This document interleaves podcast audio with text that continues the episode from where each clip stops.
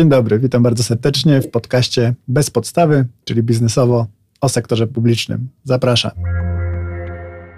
Dziś drugi odcinek. E, podcast, e, tytuł dzisiejszego odcinka to Jak szukać i zatrudniać specjalistów do nowych zadań. E, podcast bez podstawy, ponieważ chcemy poruszać zagadnienia, które mają wymiar praktyczny, nie są oparte bezpośrednio na przepisach prawa, tylko wynikają z jakiejś tam praktyki życia biznesowego. My, jako firma, która działa przy samorządzie bardzo długo już, doskonale znamy tą sferę e, merytoryczną, tą sferę twardą, opartą na przepisach prawa. Chcemy dodać do tego trochę sfery miękkiej, tego jak e, w świecie biznesowym, w świecie korporacji czy w świecie startupów organizuje się pewne sfery po to, aby one działały bardziej efektywnie. E, I tę wiedzę będziemy przemycać, jednocześnie nakładając ją na grunt sektora publicznego, znając jego realia. E, dzisiejszy, e, dzisiejszy tytuł, jak szukać i zatrudniać specjalistów do, do nowych zadań. Dlaczego taki tytuł? W poprzednim odcinku, e, pierwszym, a jednocześnie poprzednim, omówiliśmy sobie, mm, odpowiedzieliśmy sobie na pytanie, dlaczego nowe etaty nie zwiększają przepustowości pracy, nie przyspieszają sposobu, w jaki działamy. Pamiętamy, że taka główna konkluzja była następująca, że Dodatkowa osoba to po pierwsze dodatkowe plecy, za którymi możemy się schować, ale też dodatkowe ogniwo komunikacyjne, które powoduje większy szum. E, I kiedy my nie jesteśmy jeszcze gotowi na to, żeby to ogniwo odpowiednio ułożyć w strukturze, e, no to spotkamy się z tym, że ta struktura będzie sobie żyła swoim życiem. E, I efekt jest taki, że zamiast praca iść płynniej, praca zazwyczaj idzie wolniej. Mm, no i właśnie, i odpowiedzieliśmy sobie mm, krok dalej, co zrobić, żeby uniknąć tego problemu. Odpowiedzieliśmy sobie o pięciu krokach, że najpierw powinniśmy sprawdzić, jak dane zadanie i ile go realizujemy e, na przestrzeni dnia, tygodnia, miesiąca. Odpowiedzieliśmy sobie, że należy to zmierzyć, odpowiedzieliśmy sobie też, że najpierw należy poszukać usprawnień. I to wszystko są super założenia, tylko te założenia działają wtedy, kiedy my wiemy, co robimy i mamy osoby, które umieją to coś robić. Czyli mówiąc wprost, kiedy potrzebujemy trzeciej księgowej do, e, do księgowania, kiedy potrzebujemy drugiej osoby do windykacji e, w, w Wydziale Finansowym, kiedy potrzebujemy drugiej osoby na analogiczne stanowisko, które już istnieje, które to coś robi.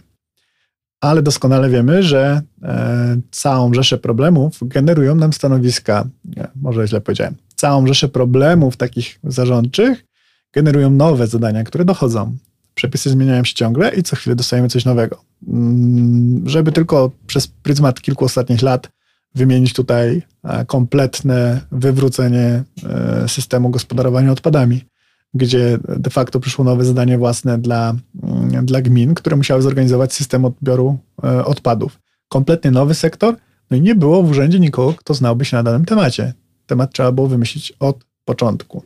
E, to samo tyczy się centralizacji VAT-u, to samo tyczy się mm, nie tak dawno wprowadzanego RODO. To wszystko są nowe tematy, w których nie mamy specjalisty w urzędzie. E, nie mamy kogoś, kto już to robi i potrzebujemy tylko dodatkowe osoby. To są nowe tematy, którymi się trzeba zająć. Jak to zrobić, żeby, e, żeby nie zrobić tego źle? I na początek zaczniemy od tego, jak to jest zrobione w takiej tradycyjnej formie. E, weźmy te trzy przykłady. RODO, centralizację VAT czy, czy zorganizowanie systemu gospodarki e, odpadami. E, zazwyczaj przy danej dziedzinie wytwarza się sektor usług konsultingowych. Czyli są firmy, które specjalizują się w danym temacie i mają pomysł na to, jak dany temat załatwić. Urzędy nauczyły się nawet korzystać z tego typu usług, wiedząc, że zorganizowanie danego sektora nie jest trywialne i należy poprzedzić jakimiś analizami. Więc najczęściej kupujemy jakąś analizę z rynku, na przykład jak ustalić stawkę opłaty za e, gospodarowanie odpadami, jak zorganizować system. E, kupujemy taką usługę. I teraz e, są urzędy, które, które taką usługę wezmą wypuszczą w konkursie ofert, wezmą ją w najtańszej wersji od jakiegoś podmiotu, który będzie skłonny ją zrobić tanio.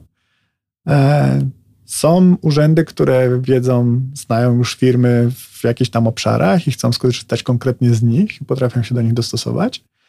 Mm, I potem dostajemy jakieś opracowanie e, i wymyślamy pracownika w urzędzie, który mógłby się danym tematem zająć. Czasami powstaje wręcz e, osobny zespół. E, I teraz też jest kilka podejść. Czyli robimy nabór, bo nie mamy nikogo, czyli piszemy jakieś wymagania i wrzucamy na BIP informację o tym, że poszukujemy nowego pracownika. Albo co gorsza, bierzemy kogoś, o kim wydaje nam się, że ma za mało obowiązków. Mm, czyli wiemy, że tam gdzieś jest luz. Pani Hania wygląda, jakby się e, trochę po korytarzach e, wałęsała. Kiedyś miała jakieś zadania, ale któraś ustawa delikatnie je zmieniła i de facto, nie wiem, scyfryzowano dany element działalności. Więc, e, więc może nie się zajmie tym nowym tematem. To było całkiem blisko jej. Robiła kiedyś może w drogach, ale teraz zrobi śmieci, bo przecież, bo przecież dziedzina całkiem podobna, trzeba znać teren, e, teren gminy. Mm, I teraz na wszystkich tych polach mamy mnóstwo miejsc do błędu. E, warto sobie to chwilę prześledzić. Jak wybierzemy złą firmę, która nam będzie w tym pomagać w danym temacie, e, czyli zrobi coś po łebkach, zrobi, zrobi rzecz, żeby tylko było, czyli tak jak często dla e, urzędy się nauczyły robić rzeczy, tak zwane pułkowniki, czyli robimy analizę, potem odkładamy ją na półkę e, i zrobimy sobie po swojemu, e, no to nie pozyskamy tego, co moglibyśmy, czyli nie pozyskamy odpowiedniego doświadczenia płynącego z tego, że ktoś danych projektów albo projektów dziedzinowo podobnych zrobił dużo. I tu szczerze mówiąc, polecałbym iść, e, korzystać z podmiotów, które robią danych rzeczy bardzo dużo. E, nie chcę teraz nikogo reklamować, ale w każdej z dziedzin, którą wymieniłem, są podmioty, które się specjalizują w urzędach i robią to bardzo dobrze.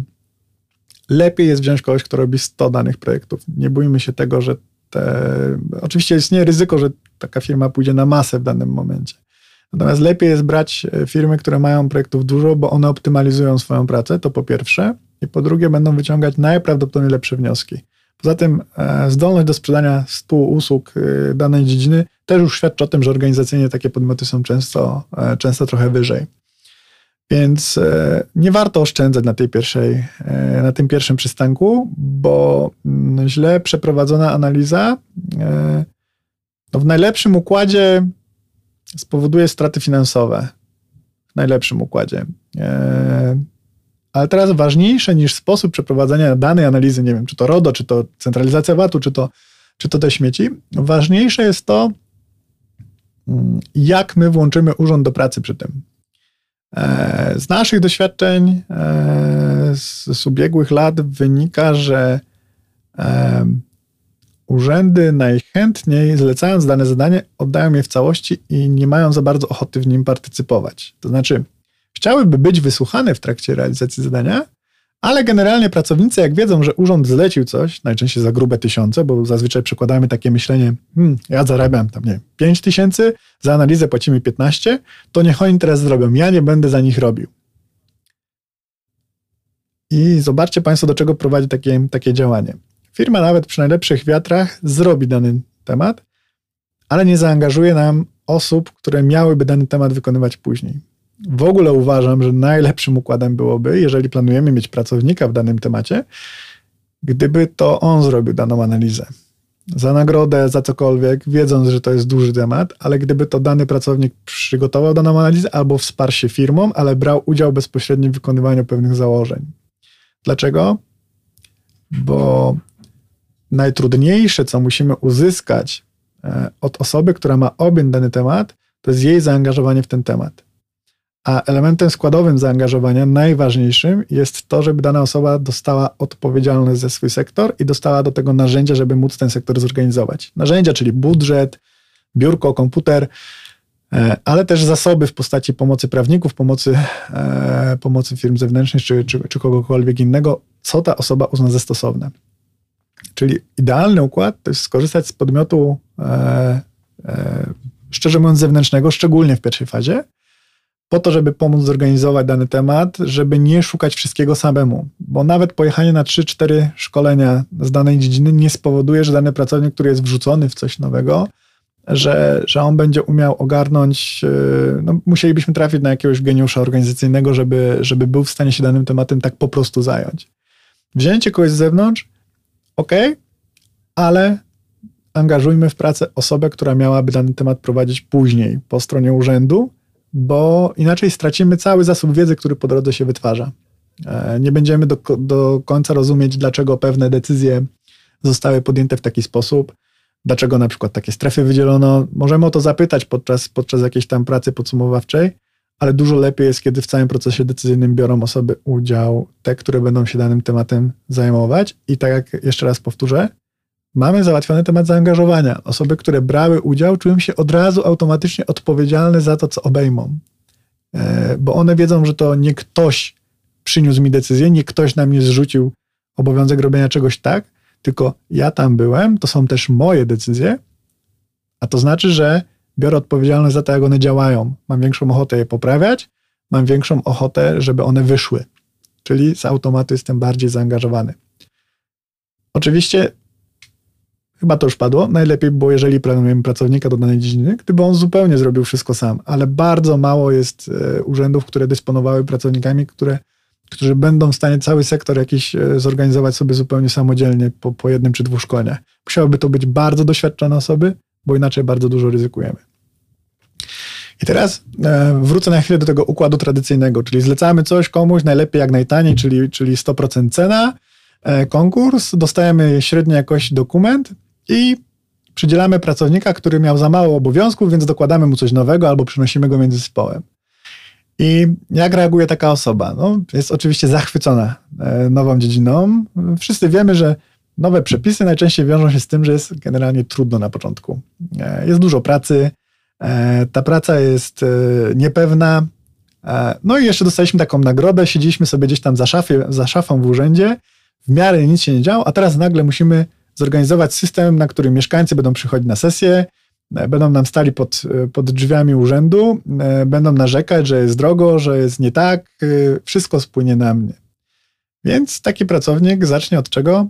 od okopywania się na własnym stanowisku. Powie najpierw, że on się na tym nie zna. Po drugie, no, sektor przygotowywał, sektor, dane zdanie przygotował ktoś inny. Była robiona analiza przez firmę zewnętrzną i my tu e, teraz tylko e, działamy na tym, co nam zrobiono. E, jakie są efekty czegoś takiego? Przypuśćmy, że są popełnione błędy na etapie analizy, na etapie przygotowania zadania. E, I teraz te e, błędy powiela nam e, dana osoba, albo po prostu ich nie poprawia, albo w ogóle się nie czuje jako ktoś zobowiązany do tego, żeby, żeby dany temat przejąć. Najłatwiej będzie mi, a dajmy na te, te śmieci. Mamy źle skalkulowane stawki, mamy nie do końca szybko poprawiany system, czyli śmieciarki ruszyły, zleciliśmy zadania i tak dalej. Mamy niedofinansowany system. W najlepszym układzie kończymy z milionem złotych straty na systemie po roku. Zobaczcie Państwo, zaoszczędziliśmy 2, 3, 8 tysięcy na zleceniu analizy porządnie, straciliśmy milion złotych rok później na tym, że ktoś nam nie doliczył czegoś, że ktoś nam błędy popełnił. Dobrze Państwo wiecie, jak źle przeprowadza się zmiany w postaci podwyżek opłat.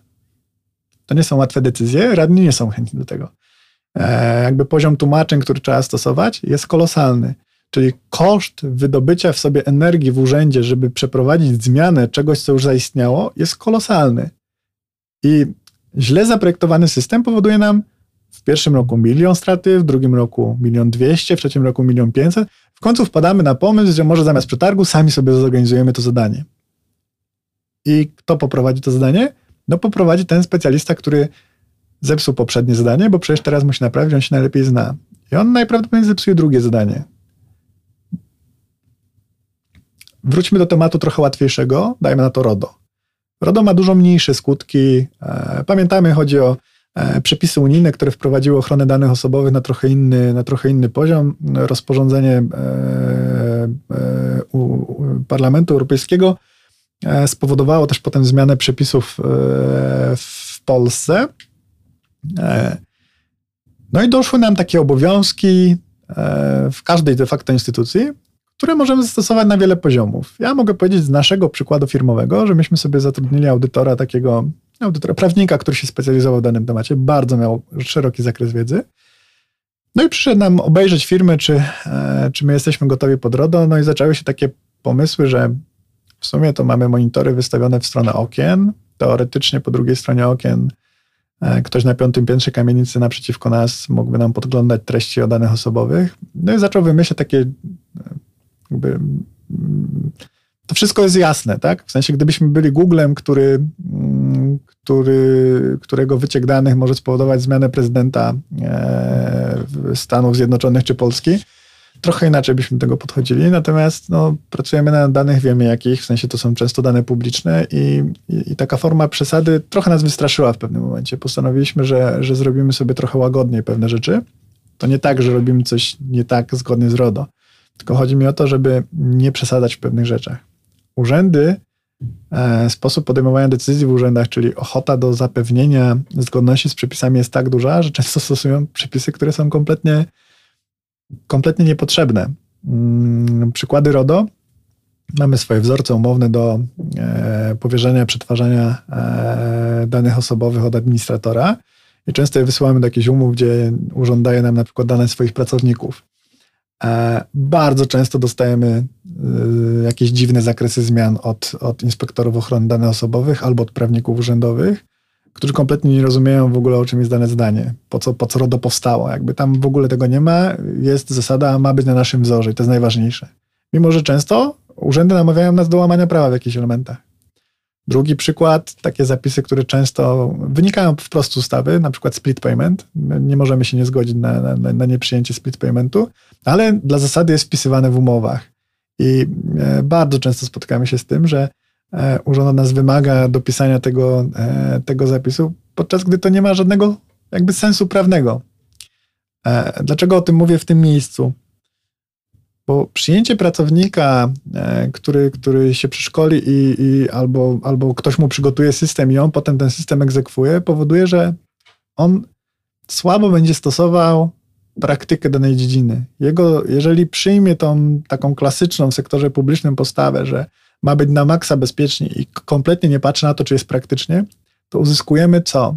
W przypadku tych śmieci powiedzieliśmy sobie o takiej stracie finansowej, czyli system nam się nie dopina, milion złotych dopłacamy.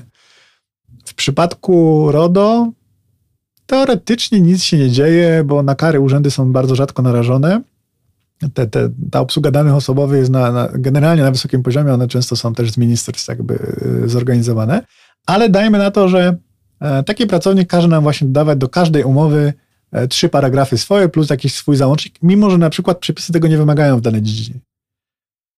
To mamy takie koszty ukryte tego. W tych śmieciach łatwo rozpoznać, mamy milion złotych straty. A teraz wyobraźmy sobie, że my do każdej umowy dokładamy trzy strony niepotrzebnego, niepotrzebnego dokumentu. I teraz okej, okay, firmy akceptują te nasze trzy strony, bo machają ręką.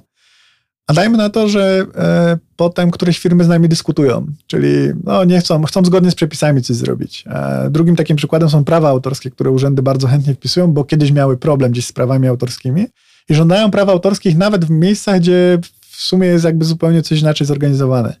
I to przepychanie się z prawnikami zjada często, mm, nie wiem, na przykład 5 godzin po naszej stronie i równie 5 y, godzin również po, po drugiej stronie, czyli po, po stronie prawnika urzędowego. I teraz zobaczcie, im, większą, e, im większy obszar urzędu dotyka taka, e, taka dziedzina jak właśnie RODO, jak, jak centralizacja VAT-u, jak, i im gorzej to zorganizujemy, tym potem bardziej obciążamy własny urząd. Bo każdy pracownik musi pamiętać, żeby dołączyć jakieś tam E, trzy, trzy, trzy strony do umowy, bo każdy pracownik dostaje jakąś stópkę, która nic nie wnosi, e, ale ją stosujemy i e, wysyłamy maila jednozdaniowego, a pod spodem mamy taką stópkę na, na 30 linijek, której i tak nikt nie czyta, ale czujemy się bezpieczniej. To wszystko są tak zwane marnotrawstwa, które dokładamy sobie do własnego procesu po to, żeby mieć poczucie bezpieczeństwa, które kompletnie nie działa, które często jest kompletnie fikcyjne. I teraz, jeżeli my źle to zorganizujemy, e, to e, no to tych marnotrawstw mamy po prostu cały urząd. E, czyli powiedzieliśmy sobie, jak często robimy i do czego to prowadzi. I ja tylko uczulam na tą jedną rzecz. Nie zawsze widać straty. Stratę, że ktoś nam zrobił źle system i dopłacamy milion złotych do systemu jest bardzo taka namacalna, albo nie wiem, ktoś źle dopatrzył inwestycje, bo źle zrobił postępowanie przetargowe, inwestycja nie wyszła. I tak będziemy mieli przerzucanie się winą. Nie zawsze dojdziemy do tego, e, gdzie rzeczywiście e, ta, ta, ta faktyczna taka wina leży, ale to też nie o to chodzi, żeby szukać winnego. Ważniejsze jest to, żeby nie robić takich błędów na przyszłość złe zorganizowanie albo doprowadzi do straty takiej finansowej, albo doprowadzi do tego, że narzucimy sobie wewnętrznie głupie regulacje, które nie są potrzebne, które zużywają czas każdego z pracowników, bo mamy coś drukować dodatkowo, bo mamy jakiś dokument opisywać, mimo że nic z tym nie robimy dalej. E, o marnotrawstwach i o tym, jak je wykrywać, opowiemy sobie, e, sobie w kolejnych odcinkach. Natomiast teraz wróćmy trochę do tego, jak szukać zorganizować sobie dany system, żeby ograniczyć te ryzyka, o których trochę powiedziałem e, przed chwilą. Czyli ja zachęciłem do tego, żeby jeżeli mamy systemowo coś do zorganizowania, RODO, śmieci, centralizacja VAT-u, żeby na tych przykładach mm, korzystać sobie w pierwszej fazie e, z kogoś zewnętrznego, kto robi tego dużo i kto ma dobrych e, specjalistów, nie oszczędzać na tej usłudze. Mówię poważnie. Oszczędności często są pozorne, ale najważniejsze, o co powinniśmy zadbać, to żeby mieć wybranego, jeżeli planujemy, że w urzędzie będzie musiał się tym ktoś zajmować. Bo jest rzesza usług, którą możemy zabierać z zewnątrz, czyli outsourcować, to ładnie mówimy w biznesie, i możemy te, nie wiem, firmę, którą sobie wybierzemy, na przykład e, niech to będzie kontrola zarządcza, czy tam jakiś audyt wewnętrzny. Możemy zlecić audytorowi wewnętrznemu, audytorowi z zewnątrz e, prowadzenie zadań z zakresu audytu wewnętrznego. I to jest totalnie ok. Jeżeli możemy tak robić i nie zatrudniać kogoś wewnętrznie, to zachęcam do tego każdego. To o tym zaraz jeszcze e, dlaczego. E, też warto to robić mądrze, ale e, to jest jakby druga porcja tematu. Jeżeli możemy nie przyjmować kogoś wewnętrznie do urzędu, to zachęcam. Dlaczego? Bo jak cokolwiek się zmienia, dużo łatwiej zrezygnować z, nie wiem, z kogoś na działalności gospodarczej, kto tylko robi dla nas jakieś zadanie w jakimś tam wymiarze, niż z kogoś, kto siedzi, przychodzi, ma umowę e, o pracę na termin nieokreślony i tak dalej, i tak dalej. Dużo łatwiej jest pozbyć się takiego zadania, dużo mniejszy koszt taki emocjonalny to niesie. Więc to jest po prostu racjonalne. E, e, jeżeli nie możemy wyoutsourcować i planujemy pracownika, to najważniejszą rzeczą jest, żeby tego pracownika zaangażować już na etapie planowania. Wtedy nie mamy tak dużego ryzyka na to, że on potraktuje to zadanie jako zrzucone mu z góry. A jeżeli potraktuje jako zadanie swoje i poczuje odpowiedzialność, to mamy dużą szansę, że będzie mu się chciało poprawiać błędy i że będzie mu się chciało poprawiać jakby daną dziedzinę, będzie mu się chciało to ulepszać. Mm, a jeżeli jeszcze zauważymy to, że on coś ulepszył e, i, i, i podnosi tą jakość tego, co robimy, no to będziemy mieli zarówno lepiej działający system, dany, nie wiem, śmieci, będziemy mieli mniej marnotrawstw na urząd narzucanych, czyli nasi pracownicy nie będą musieli e, być zmuszani do tego, żeby dołączać jakieś niepotrzebne strony, drukować te, te materiały i, i, i prze, przebijać się potem z, z podmiotami z zewnątrz. Mm, no i po prostu to będzie lepiej działać. E, no dobra, ale teraz skąd tego pracownika? E, w momencie, kiedy my jeszcze nie wiemy, jak ten system ma wyglądać. Jeżeli my weźmiemy najsłabszą osobę w urzędzie tylko dlatego, że nie ma co robić i w sumie nie ma co robić właśnie dlatego, że jest najsłabsza, no to efekty możecie się Państwo spodziewać, jakie będą. E, jeżeli chcemy dać komuś nowy system do zorganizowania, to dobrze, jeżeli to jest osoba, która się ocierała przynajmniej o przepisy podobne. Nowe rzeczy dawałbym jako nagrodę osobom, które dobrze się sprawują, ale zabierałbym im poprzednie obowiązki i przede wszystkim pytałbym ich o zdanie, czy oni chcą się danym tematem zająć. Rekrutacje wewnętrzne, tak zwane, czyli wzięcie na przykład nie wiem, kierownika jakiegoś zespołu, który coś robił, do tego, żeby objął i zorganizował nowy zespół, mm, są dużo skuteczniejsze niż pozyskiwanie z zewnątrz. Statystyka mówi o tym, że takie osoby są mniej więcej, chyba o ile dobrze pamiętam, 20% tańsze e, niż pozyskiwanie osoby z zewnątrz, która miałaby dany temat poprowadzić, od razu zakładając, że to jest osoba, która się zna na, na danym temacie. Jeżeli mamy kogoś, kto zna nasze realia i kto jest takim typem organizatora, ma taką osobowość, to jest to po prostu tańsze dać to takiej osobie, e, ale nie traktujmy tego, że, że to jest tak, że możemy na kogoś zrzucić obowiązki, zostawić mu stare i niech sobie jakoś poradzi. Nie.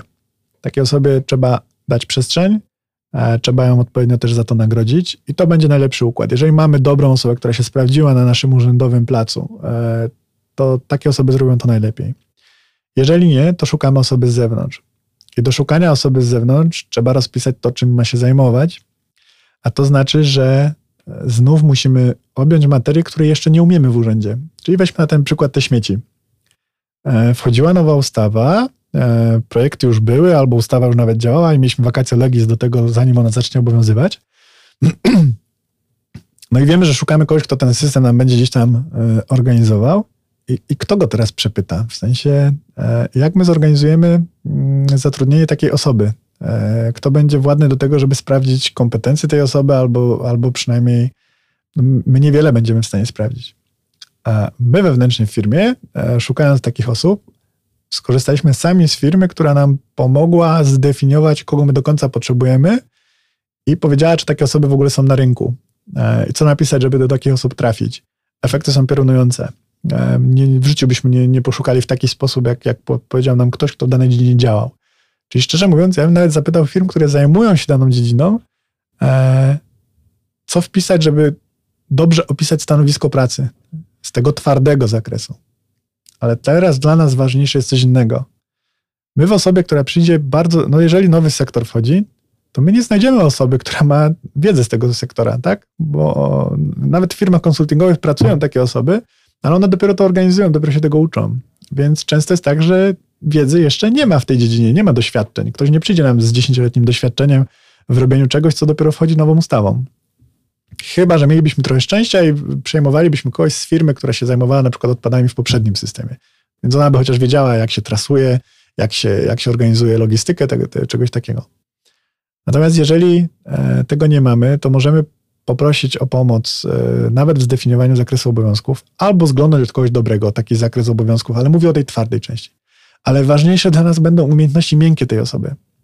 My musimy sobie w urzędzie odpowiedzieć, czego oczekujemy od tej osoby w kontekście takim niemerytorycznym. Bo ktoś, kto ma nam zorganizować nowy jakiś y, przedmiot działania, musi mieć szereg takich menedżerskich cech, które, które spowodują, że będzie dobry. I teraz zdefiniowanie tego i patrzenie na te cechy jest ważniejsze niż to, czy dana osoba będzie umiała dany sektor. Bo i tak zakładamy, że ona będzie musiała się go nauczyć. Więc ważniejsze niż to, czy robiłeś kiedyś w śmieciach, będzie w takim układzie to, czy cele postawione realizowałeś w poprzednich miejscach pracy? E, czy mimo dużych sprzeciwów e, wewnętrznie w urzędzie umiesz negocjować sobie rozwiązania? Czy jesteś komunikatywny? Czy będziesz umiał na sesji e, przed radnymi czy przed mieszkańcami obronić swoje rozwiązanie? Czy masz ochotę się uczyć na swoich błędach i wyciągać z nich wnioski?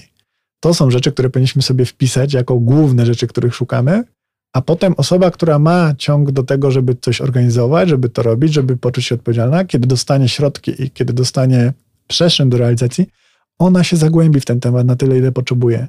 Ona ten temat nam wejdzie i kupi. Nie popełniajmy błędów, nie dawajmy najważniejszych zadań e, słabym pracownikom, bo ta pozorna oszczędność, czyli to, że nie zatrudniamy nowej osoby, czyli dajmy na to, nie wiem, 60, 80, 100 tysięcy rocznie, to nam się odbije czkawką w postaci miliona złotych strat na systemie, to nam się odbije czkawką w 90 innych miejscach, których na dzisiaj nie widzimy. Będziemy je nazywać marnotrawstwami. W kolejnych odcinkach przybliżymy sobie trochę, gdzie takie marnotrawstwa najczęściej występują, w ogóle jak rozumieć marnotrawstwo i opowiemy sobie, e, jak je szukać i które eliminować w pierwszej kolejności, żeby, żeby po prostu być bardziej elastycznym. E, zapraszam, zachęcam e, do odsłuchania, do podzielenia się e, odcinkiem. Zachęcam też do podzielenia się z nami opinią albo może pomysłami na odcinki, jakie Państwo byście mieli, o czym byście chcieli posłuchać, co Wam sprawiło na przykład problem w ostatnim czasie i chcielibyście, żeby spróbować to w takim ujęciu właśnie zarządczym, biznesowym mm, ująć.